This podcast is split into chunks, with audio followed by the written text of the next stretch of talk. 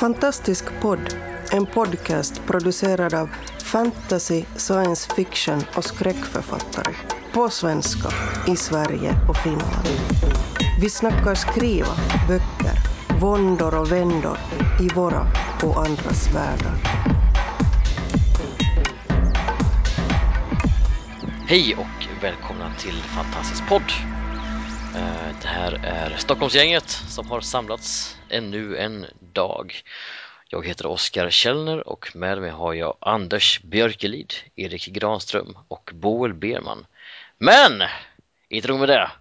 Även denna gång har vi en fantastisk gäst med oss från Malmögruppen och det är Karin Tidbeck och du är mycket välkommen hit. Tack, tack. Bra. Hurra! Eh, Det här avsnittet så tänkte vi prata om karaktärsutveckling och vi, eh, som Anders sa här innan vi spelade in, vi skiter väl i det blå skåpet med en gång. Vi kallar våra karaktärer för karaktärer. Vad, vad, vad finns det för alternativ? Vad är det man brukar säga annars? Gubbar. Romanfigur. Romanfigur. Ja, romanfigur. Ja, Vad var det precis. som sa hero? Det var lite Eh, fint. Det var jag. Eh, Jag ber om ursäkt för det redan nu. Innan vi säger det fler gånger. Eh, nej, det är bra. Eh, men i alla fall, det är ett... eh, Men trovärdig karaktärsutveckling. Och då är ju första frågan jag har, måste karaktärer utvecklas? Nej. Ja, var, varför? Varför? Okej, men ska jag, ska jag säga varför? Jag ska säga varför jag tycker att karaktärer bör utvecklas. Mm. Eh, att det beror lite på vilken genre det är i och för sig. Alltså om det är en kort, kort, kort, eh, eller genre, vilken, vilken eh, litteraturform det är. Om det är en riktigt kort novell, eh, eller sån här flash fiction eller såna grejer, så det är säkert att du hinner klämma in världens eh, karaktärsutvecklingsbåge eller vad man nu ska kalla det för. Båge i det här fallet är alltså en direkt översättning från eh, engelskans character arc. Bara så ni vet det, kära lyssnare. Ehm, men jag skulle påstå att i varje form av aningen längre eh, li- litteratur så eh, tycker jag i alla fall att det är att föredra att ha någon typ av utveckling. Ehm, därför att Är det för det narrativa drivet? Ja, precis. Därför, därför att man, man börjar någonstans och sen, alltså varje berättelse har en början, ett mitt och ett slut. Och eh, eh, Eh, jag, jag tror att när man som läsare eh, då följer med den här karaktären genom det här äventyret, vad det nu är för någonting, så får man en mycket närmare emotionell kontakt med karaktären om den då också då gör någon typ av utveckling eller resa på vägen. Annars blir det bara liksom en massa actionfluff. Eh, nu kan i och för sig action vara kul också men, men jag tror att för att få den här, ja precis som sagt, den här emotionella touchen så att man kan relatera till på ett närmare sätt så behövs det någon typ av utveckling. Sen behöver inte den utvecklingen nödvändigtvis vara positiv. Alltså, det kan vara extremt negativ. Den kan vara värsta dekonstruktionen av den här stackars karaktären som slutar i eh, miserabelt eh, död och elände liksom. Va? Men någon typ av utveckling tror jag är nödvändig för att eh, ha en engagerande historia för läsaren. Ja, jag, jag är lite schizofren angående det där. Um har du röster? eh, absolut. Eh, jag har, hör små röster som säger nej, nej, ingen karaktärsutveckling. Eh, nej, men eh, nu försöker jag komma på. Det, det finns någon bok som jag är svag för, inte fantastik, som är i stort sett en tjej som bara festar och hänger och det händer absolut in, nästan ingenting i boken förutom att hon förflyttar sig från England till en partysvarterort. Är det någon som vet vilken bok jag pratar om?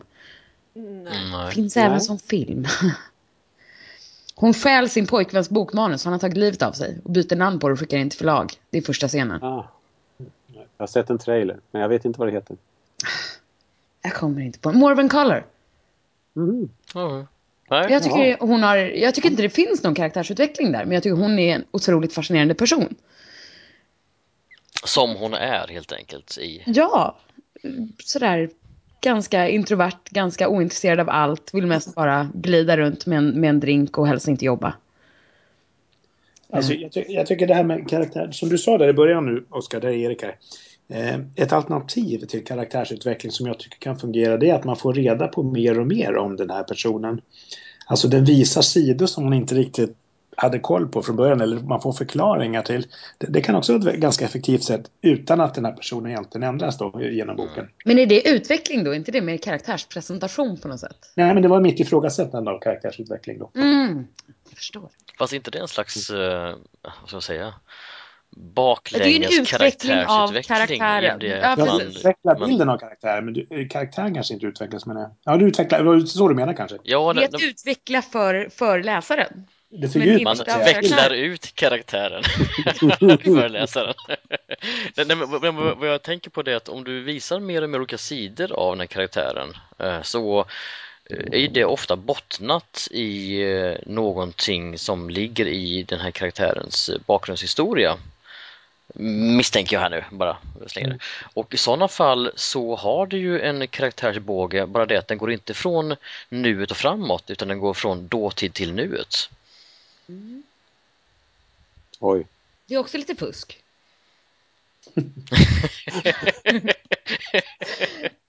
Karin, du blev så tyst. Yamatka, din huvudperson, eh, genomgår ju ganska mycket en utveckling. Håller du ja, med om det det? stämmer. Ja. Ja, ja absolut. Eh, hon, där är ju tanken att hon ska gå från deprimerad och passiviserad till att bli revolutionär. Mm. Det är en Ja. ganska spännande resa. Ja, jo, men det tycker jag. Var det svårt att få din karaktär att göra så? Nej, eh, det var det väl inte därför att hon började hon bör, Jag började någonstans i mitten med henne, det vill säga att hon var eh, bitter och missnöjd med samhället och ville förändra det till ett som bättre passade henne. Eh, men för att veta hur hon skulle fortsätta så var jag tvungen att börja längre bakåt för att få reda på var hon kom ifrån. Och då följde det sig ganska naturligt att hon på grund av sina upplevelser först började som rätt svårt traumatiserad. Eh, för att hon helt enkelt förtrycks av samhället beroende just på grund av den hon är som person. Hon kan inte, åt, hon kan inte uppfylla de krav som krävs eh, av en god medborgare så att säga. Och då kunde jag också få reda på vart hon skulle ta vägen längre fram. Just därför att hon på grund av sina traumatiska upplevelser blev en sån extrem person mot slutet. Mm. Nu funderar jag över trauman. Alltså trauman är ofta en stor del av karaktärsutvecklingen.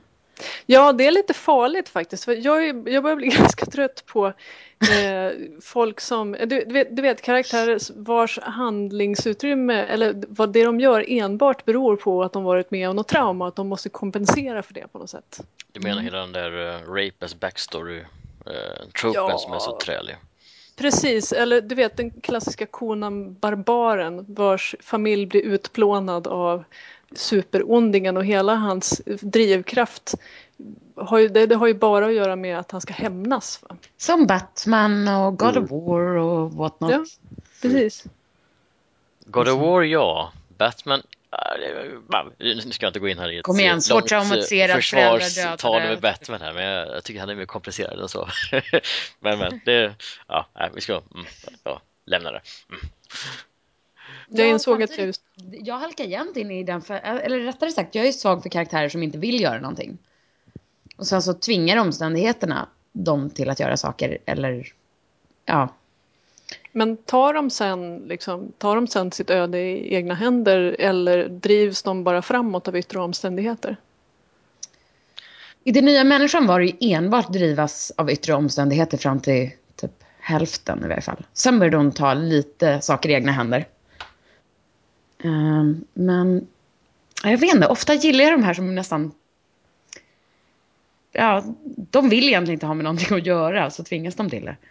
Mm. Men, men jag kan förstå att folk kan störa sig väldigt mycket på sådana karaktärer. Jag stör mig typ på sådana karaktärer. Jag blir såhär, men gud, gör någonting människa. Liksom. Ehm. Ja, men jag tror att en proaktivitet hos en karaktär eh, nog alltid uppfattas mer positivt hos läsare än eh, någon som är mer passiv. Eh, för man sitter där kan jag själv känna också ibland, ja, men hallå, upp med det då! Gör det då, kom igen då! Och då skapas det en, liksom en frustration eh, även hos läsaren. Fast den frustrationen är ju på något sätt ganska äkta. Jag menar, med tanke på hur många människor som sitter och funderar. Borde jag säga upp mig för mitt jobb eller borde jag byta jobb? Alltså, borde jag flytta utomlands? Alltså, och så känner man så här, men du har pratat om det här i tio år, gör det bara. Jag menar, det är en Mm. ganska ärlig reaktion som man väcker då. Det är det i och för sig. Men vill man läsa om det?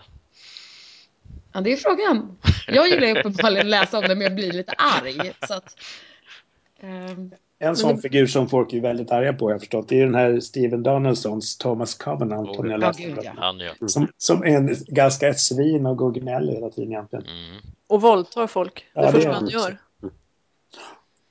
Han, han går igenom, genomgår ju också en uh, väldig karaktärsresa får man säga från, från uh, första boken uh, mot det sista. Men han är ett, uh, ett svin väldigt länge. Mm, Men han är en väldigt intressant karaktär också. Ja. Speciellt att, att, att någon faktiskt har, vågar sätta en sån person i huvudrollen och tycker att det är en bra idé.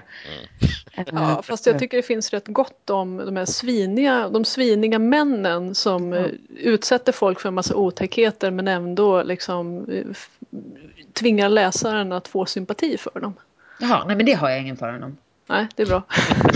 Nej, det hoppas inte jag heller. Hur är det med de sviniga kvinnorna förresten? Att vi har för få? Eller vad? Ja, kan ni komma på några? Uh, Det de får inte vara film då förstås. Jo, det får det väl vara. Jo, Fast vi är inte har efter ju- yverskurkar kanske. Men Abercrombie mer har ju huvudroll. Sånt i Played Itself. Eller vad de heter. First Law-trilogin. Där, där är ju alla svin. mm. Så att eh, där finns ju ett antal obehagliga kvinnor. Eh, Men, där, men som sagt, där är ju i stort sett alla människor mer eller mindre Mm. obehagliga. Och, eh, så att det, det, är väl, det är väl kanske inte en, en, det bästa exemplet. Vad, vad heter hon ehm, som, alltså det, var, det tog, tog många sekunder innan jag kom på någon svinnig kvinna faktiskt, men det, vi har ju faktiskt en utmärkt i Harry Potter av alla. Vad heter hon? Dolores Umbridge. Ja, precis! Dolores Umbridge. Eh, hon är ju, jag, älskar hennes karaktär. Men hon Milady då, i Tre Musketörerna, är inte hon ganska hal? ja, jag tänker mer, jag är mer ute efter typ huvudroller. Alltså verkligen Ja, den som man identifierar sig med. Liksom. Vi Ja, problem. nej, här har vi problem. Vi får skriva det helt enkelt.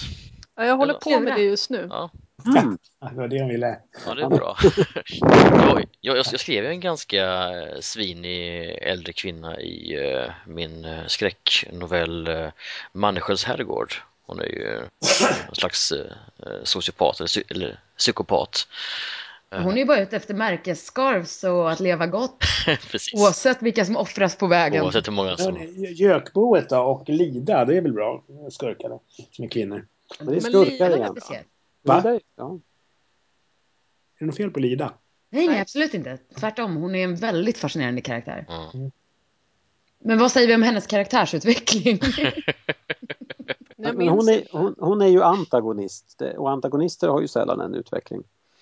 Eh, Det egentligen vi saknar här är väl liksom protagonist, kvinnliga, sviniga protagonister som vi ändå ska känna någon sorts sympati för och känna att för det är ju det är som sagt en väldigt vanlig trop det här att, att eh, vi, vi kommer in i förövaren eller i, i eh, den problematiska karaktärens huvud och vi ska ändå känna någon sorts form av förståelse eller åtminstone begripa bevekelsegrunderna. Men det är i huvudsak män vi får se då. Jag tänker på den serie, seriefiguren Nemi. Hon är ju ganska, jag tycker jag är väldigt, hon är väldigt kul. Hon är inte speciellt Mm. sympatisk ofta. jo. Ja, men hon är kul. Alltså, man, man sympatiserar med henne. Men Henne har jag sympati för. Men men okej, men förlåt, karaktärsutveckling. Har ni Yes. läst Matt Adam-trilogin? Jag återkommer ju alltid till Margaret Atwood. Men Nej, faktiskt inte, tyvärr. Nej. första, boken handlar, första boken handlar om män, andra boken är utifrån två kvinnors perspektiv och sen tredje lite ja, ur en kvinnas perspektiv. Men där är karaktärsutvecklingen jättemärklig tycker jag. För att i andra boken så, alltså jag avgudar en av huvudkaraktärerna för jag tycker hon är jätteintressant. Hon är inte speciellt positiv. Hon, hon, av nödtvång hakar hon på någon slags miljösekt. Hon tror inte ett dugg på dem, men hon gillar dem, så hon liksom hänger kvar. Och sen i tredje boken så förvandlas hon på något sätt för att det dyker upp en man. Så allt hon gör är på något sätt ska handla om, handlar om honom. Det är som att hennes identitet bara fullständigt raderas i sista boken. Jag blev jätteledsen. Ja, vad lökigt. Ja, Det Ja. låter väldigt märkligt, ja. Låter som eh, motsatsen till eh, liksom allt eh, som handlar om att ha sin egen karaktär. Ja, så hon är fortfarande intressant, men det blir liksom ett... Det, hon använder hans historia för att lära... Ja, det är svårt att förklara, men ja. Alltså annars om vi... eh, Jag älskar ju när eh, karaktärer försätts i olika situationer över tid vilket gör att de tvingas ändra sina roller både gentemot varandra och eh, alltså, gentemot sig själva. Eh, det finns ju gott om sådana exempel i till exempel i Game of, Game of Thrones där eh, ju eh, de politiska ränkarna och intrigerna gör att den som är på topp idag liksom är på botten imorgon och fram och tillbaka. Sen, men jag skulle faktiskt vilja gå tillbaka till ett lite äldre exempel. Eh, på 90-talet så gick det ju en science fiction-serie på tv som heter Babylon 5. Oh. Och jag älskar fortfarande Babylon 5. Jag håller den som en av de, eh, de bästa eh, sci-fi serier jag har sett. Visst, det finns skakiga avsnitt här och var såklart, men eh, totalt sett så, så älskar jag den. Men det finns två stycken karaktärer där ehm, jag behöver inte gå in på exakt vilka de är och spoila precis allt men den ena, han börjar som en support, så han, han, dricker bara och super ner sig hela tiden. Uh, sen så går han där, sen så stiger han i, i rang och liksom uh, kommer upp sig och han, han blir erövrare och till slut så slutar han som, som kejsare liksom för, för ett stort imperium. Och det låter ju som en väldigt positiv och trevlig så här, karaktärsutvecklingsbåge. Men det är en tragedi. Och det är det som är så intressant mm. när man tar de här som man tror ska vara positiva utvecklingen och vrider på det upp och ner. Och han, han, hans ärkefiende och eh, nemesis och intressant nog också vän paradoxalt nog. Eh, han börjar som eh, arg eh, ilsken krigare. Eh, sen så besegras hans folk och han, han, han, kom, han blir slav helt enkelt. Och sen slutar han efteråt som andlig ledare. Så han går också igenom olika faser. Eh, och hela tiden då så har de olika maktställningar mot varandra och hela tiden så omtolkas deras relation mot varandra. Eh, och just det då när man liksom får gräva i de här karaktärerna från så många olika perspektiv. Det tycker jag är oändligt fascinerande. Alltså. Men det här låter också som att det är över lång tid, ja, så att någon har haft väldigt. Det är över uh, fem, fem, år totalt utspelar sig över. Ja. Eh, du fick mig att tänka på Battlestar Galactica, fast på grund av dålig karaktärsutveckling, nu kanske jag får en massa protester här. eh, alltså, för jag, jag älskar Battlestar Galactica, men, men, just att jag älskade karaktärerna och hur de utvecklades i säsong 1 och 2. Men i trean så liksom händer någonting där jag inte köper hur, alltså... Men vad är det som du inte köper? Mm. Vilken karaktär? Flera. Ja. Det känns bara som att de helt plötsligt tar på sig helt andra roller, som att de hade bytt manusförfattare eller någonting. Eh, jag köper inte riktigt hur Starbuck blir där när hon plötsligt springer runt med långt hår och ska vara lite hyfsat timid ett tag. Eh, jag har inga problem med att Gaius går och blir någon slags andlig ledare. Shit, spoiler alert för alla som, i alla fall. Eh, för att han är någonstans den här übernarcissisten och liksom den här bisarra mannen så att han skulle nog känna sig ganska hemma i en sån yeah. roll. Men alltså jag vet inte, det är, det är flera som jag bara känner att det skavde liksom. Men här kommer vi in på ett jättespännande ämne och det är ju när författaren gör våld på karaktären för att, eh, för att få handlingen att gå framåt. Mm. Det vill säga att man tar till helt omotiverade saker som karaktären inte skulle göra bara för att författaren vill driva handlingen i en viss riktning. Och det kan vara så fruktansvärt frustrerande. Oh ja. Om det nu var det de gjorde. Världens konstigaste exempel, jättesnabbt. Det finns ja. ett CSI-avsnitt, CSI Las Vegas, eh, regisserat av Quentin Tarantino. Mm. Eh, där alla karaktärerna plötsligt blir Tarantino-karaktärer. där alla börjar svära mycket mer, de pratar som vilken Tarantino-film som helst och så vidare. Det är ett jättebra avsnitt. Det har ingenting med resten av serien att göra. Jag förstår inte ens varför de har samma karaktärer. Mm. Det är jätte, jättemärkligt. Mm. Men eh, bara, jo, bara angående Battlestar Galactica. Eh, jag, jag, noterade också den här förändringen, men jag tänkte eh, alltså, mer att Alltså olika, människor går igenom olika faser också i sina liv och försöker ibland olika saker. Jag kommer ihåg just det här med Starbuck, att hennes, alltså det fick ju sån himla backlash sen. Alltså för henne per, per personligen. Så jag, jag, jag, tyckte, jag tyckte inte att det var brott just mot hennes karaktär, eh, även om det är hemskt när, när det händer, utan det mer det var hon som för en gång skulle försökte liksom vara lite normal och sen så gick det åt skogen efter det. Men det kan ha att göra med att jag gillade henne så mycket och att jag bara inte accepterade, alltså jag inte accepterade den utvecklingen. Men Ja. det kändes bara inte som att det var hon. Ja. Mm. Men...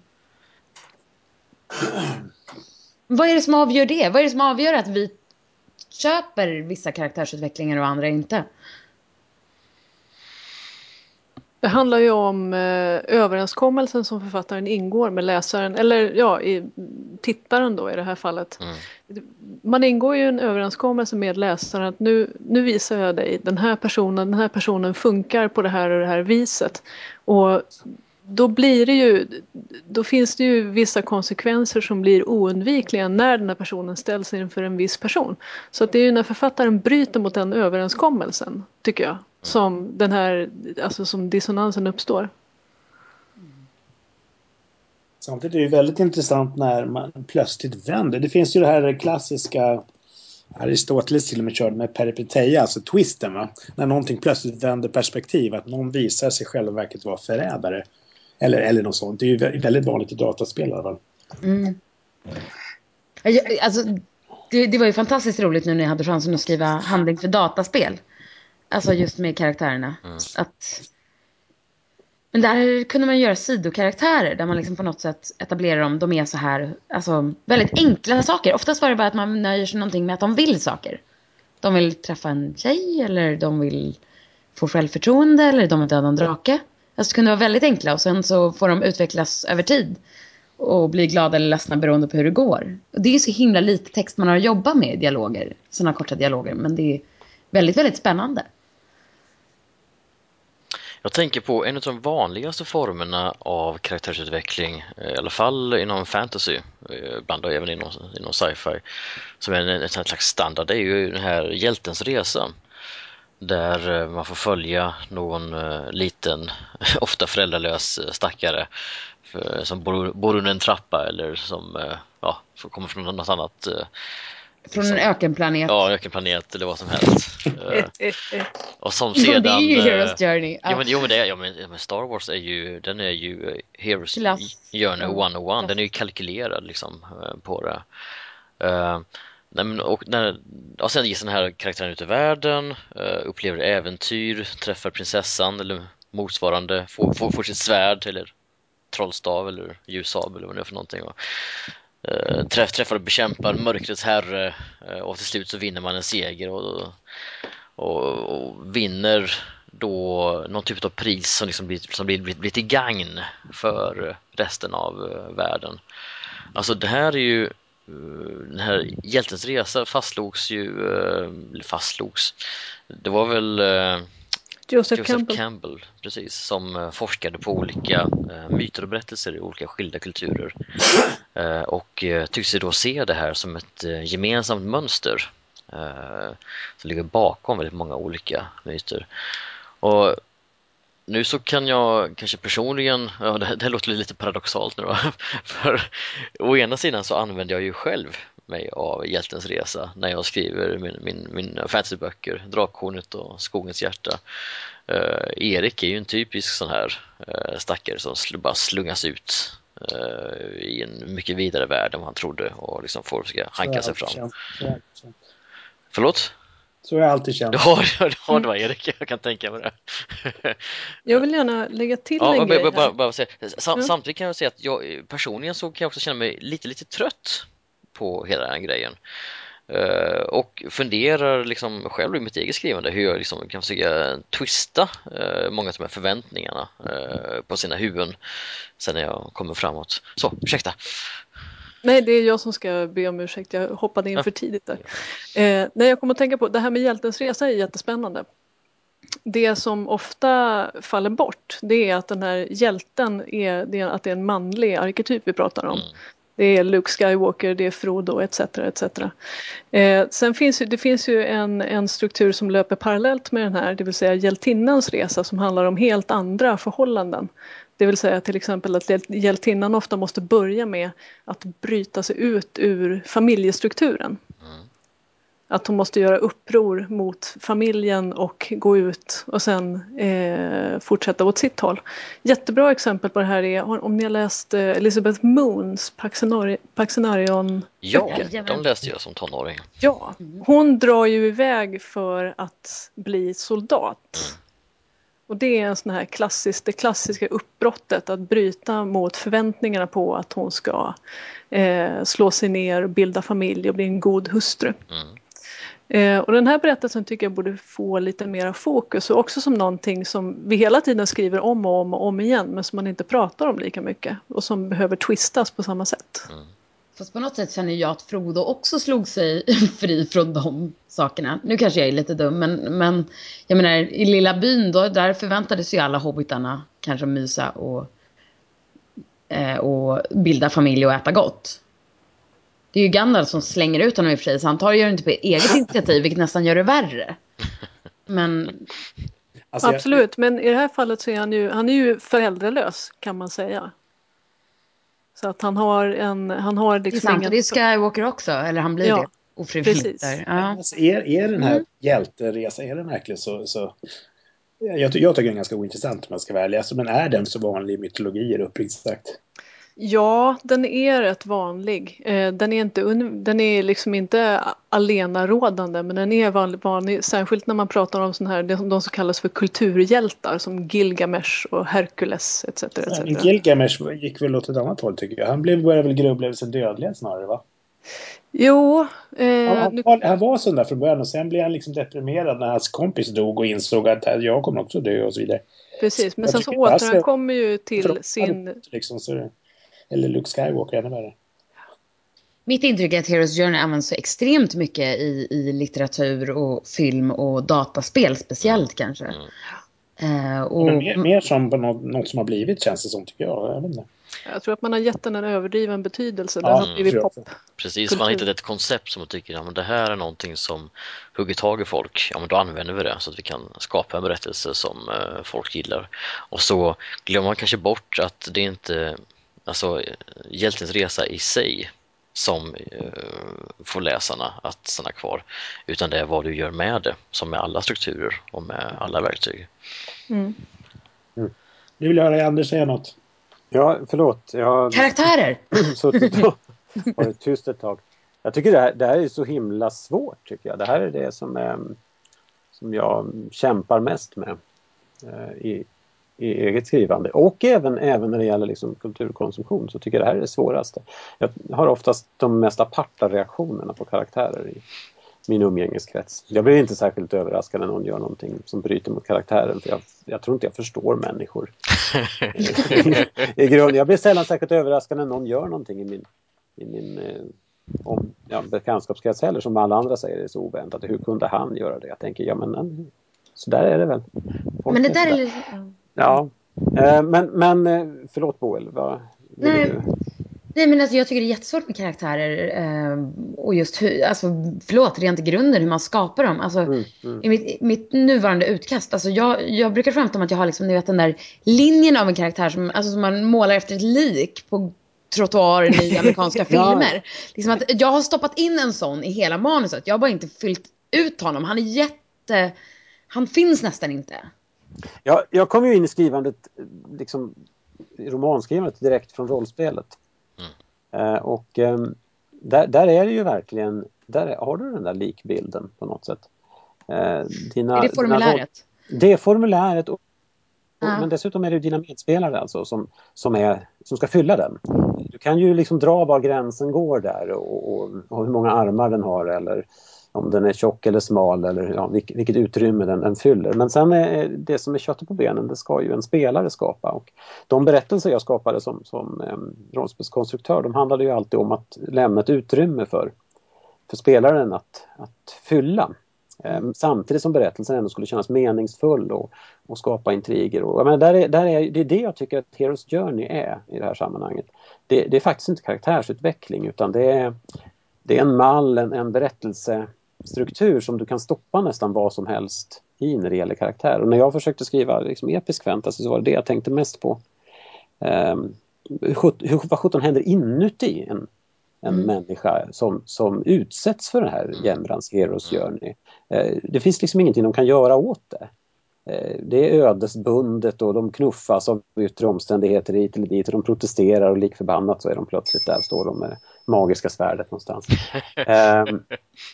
Eh, och eh, det, det tycker jag var det som var intressant att, att, att fundera över. Men, men jag har väldigt, väldigt svårt att, att se det som karaktärsutveckling. Lite grann på det här som Erik sa i början så, så känner jag att det är mera karaktärsåskådliggörande. Att, att det jag klarar av att göra är Ja, men det är som milstolpar som ja. orsakar karaktärsutveckling. Fast Kan man säga så? det är samma karaktär, det är bara det att nu händer någonting nytt och då får vi se hur den sidan hos karaktären, alltså förstår du? Ja. Det är en jätte, jättebra poäng. Mm. Skillnaden för mig blir i alla fall. Men med det sagt så, så skriver jag just nu eh, eh, kämpar jag med en karaktär som är ja, tusentals, kanske miljontals år gammal och som själv har bestämt sig för att karaktärsutveckling, det är grejen. Eh, och hon försöker desperat eh, utveckla sig själv. Eh, hon har ett mål, hon vill liksom hon vill på ett visst sätt utveckla sig själv och bli en, en viss typ av människa. Och det går, ja, det går käpprätt åt skogen. Och när jag hör er, er prata här nu så inser jag att det här måste ju vara mitt eget grundläggande problem med karaktärsutveckling som uppenbarar sig här. Jag tror inte faktiskt på att hon kan förändra sig. Um, så hon får slåss mot mig på det sättet. När hon försöker desperat hitta, hon försöker hitta ett, något sorts normalt liv men hon, det går inte. Men nu är vi tillbaka till det här. Alltså, jag tycker ju, alltså, förlåt, om vi pratar om mänskliga karaktärer. Men vi människor utvecklas inte så mycket som vi vill. Alltså, rent, rent krasst. Ni kanske är fantastiskt annorlunda från när ni var liksom, Nej. 18 år gamla. Men, men jag är nog inte det. Nej, det, det Eh, är Inte. Till min stora besvikelse. Ja, Man lär sig saker, men, men jag i grund och botten är samma. Och det är därför jag kan bli irriterad tror jag på tvära kast när folk byter personlighet. Man kan försöka det, det kanske funkar i några månader, men jag tror liksom inte att man kan ändra sin personlighet över en natt. Men samtidigt har vi ju sagt nu, och ni har liksom eh, skrivit under på det nästan allihopa, att, att vi blir irriterade på karaktärer som inte gör någonting, som beter sig som, som oss själva då. Där sitter vi och, och men gör någonting nu, ser du inte, utvecklas, ta tag i Fast- saker. Vi blir utklädda kanske- på oss själva också ju. När vi inte gör något menar jag. Jag blir jättearg på mig själv när jag inte gör något. Det, Det är intressant det där, alltså, då känner jag nästan att jag, att jag vill bråka här. Alltså, jag tror absolut att människor kan förändras ganska radikalt till och med, till sin personlighet. Eh, om det då är så att det är helt nya sidor av dem som dyker upp eller om det är så att människan är som en eh, mångfacetterad ädelsten och att vissa sidor visades upp tidigare och sen hände grejer så att de sidorna krympte och andra sidor som tidigare var dolda nu syns. Det är jag inte säker på vilket av det är. Men jag är helt säker på, även jag varit med om i verkliga livet, om människor som har gått igenom saker och som har förändrats ganska radikalt. Det handlar även om, eh, om eh, hur hjärnan fungerar med, eh, ja, vi ska inte gå in på neurologi Då är min följdfråga, krävs det då extrema händelser, exempelvis trauman som vi pratade om, för att folk radikalt ska förändras? På kort tid tror jag, ja. Men över längre tid, nej, jag tror att det kan få en ganska stor förändring eh, över en längre tidsperiod, säg eh, ja, tio år. Karin, du hade någonting där när jag... Eh, jo, jag tror det jag tänkte säga där var jag tror att vi kanske råkade blanda ihop det här med karaktärsutveckling och att vara konsekvent med hur en karaktär skulle reagera på det som händer. Mm. Ja, det är ju faktiskt olika Ja. saker på något sätt. Och vet ni vad? Nu är tiden slut. Det är märkligt. Så nu får Kom vi... vi fram till något? Det, det, det, har, inte det har inte utvecklats har, någonting. har samtalet utvecklats? Har vi utvecklats? Ja, jag står kvar och stampar känner jag. Jag, jag känner mig ganska... Jag känner att Oscar gav mig hopp om att jag kan utvecklas mer som karaktär. Jag är ootligt cynisk. Jag tror inte på den där utvecklingen. Ja. ja, det får vi bråka om nästa gång vi ses. Det blir bra. Tack så mycket för ikväll hörni. Tack så ha. Tack, tack. Du har lyssnat på Fantastisk podd. Om du trivdes i vårt fantastiska poddsällskap och vill ha mer så hittar du äldre poddar och information om oss som deltar på vår hemsida under fantastiskpodd.se och på vår Facebook-sida Fantastisk podd. Har du frågor eller förslag på vad du tycker att vi ska tala om, hör gärna av dig antingen på Facebook eller via kommentarer på hemsidan. Vi hörs!